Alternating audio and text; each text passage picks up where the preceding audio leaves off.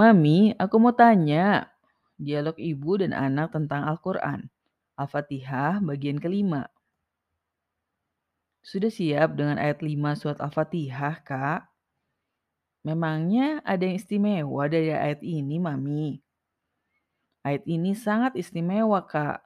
Ayat ini adalah sebuah komitmen manusia yang didasarkan pada pemahaman yang mendalam akan ayat 2 sampai 4 surat Al-Fatihah.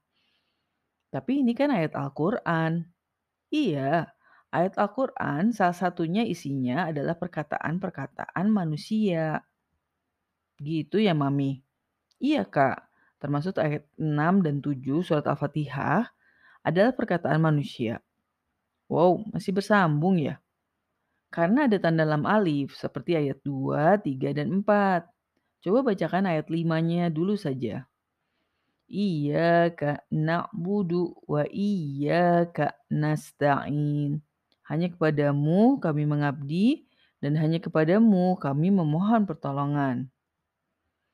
Kira-kira kenapa Kak manusia bisa mengeluarkan pernyataan seperti ini setelah memahami ayat 2 sampai ayat 4 surat Al-Fatihah?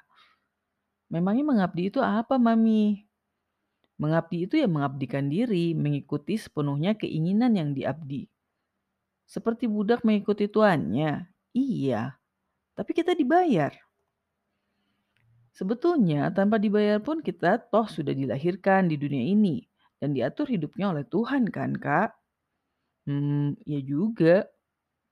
Tapi ada kok pembayarannya di ayat lain bakal dibahas. Gitu ya, Mami. Ya berarti itu jawabannya Mami.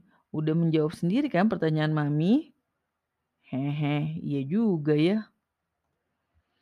Terus hanya padamu meminta pertolongan maknanya apa Mami?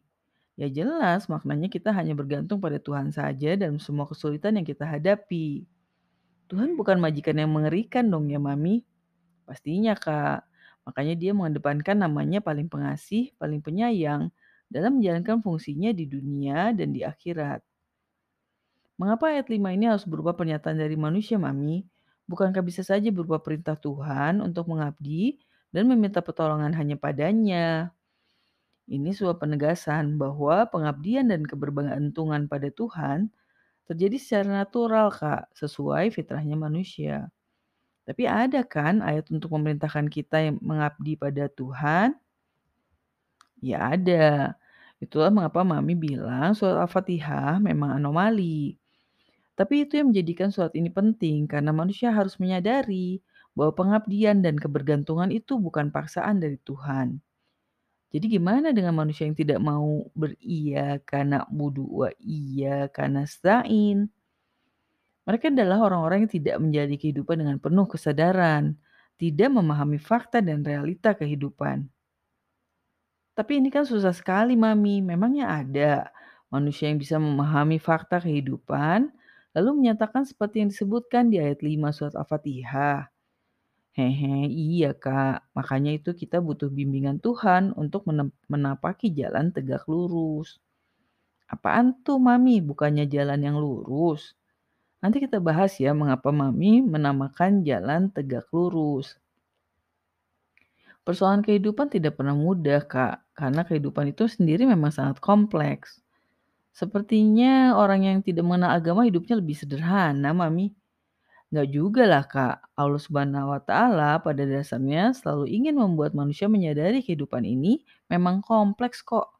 Begitu ya, Mami? Iya, Kak.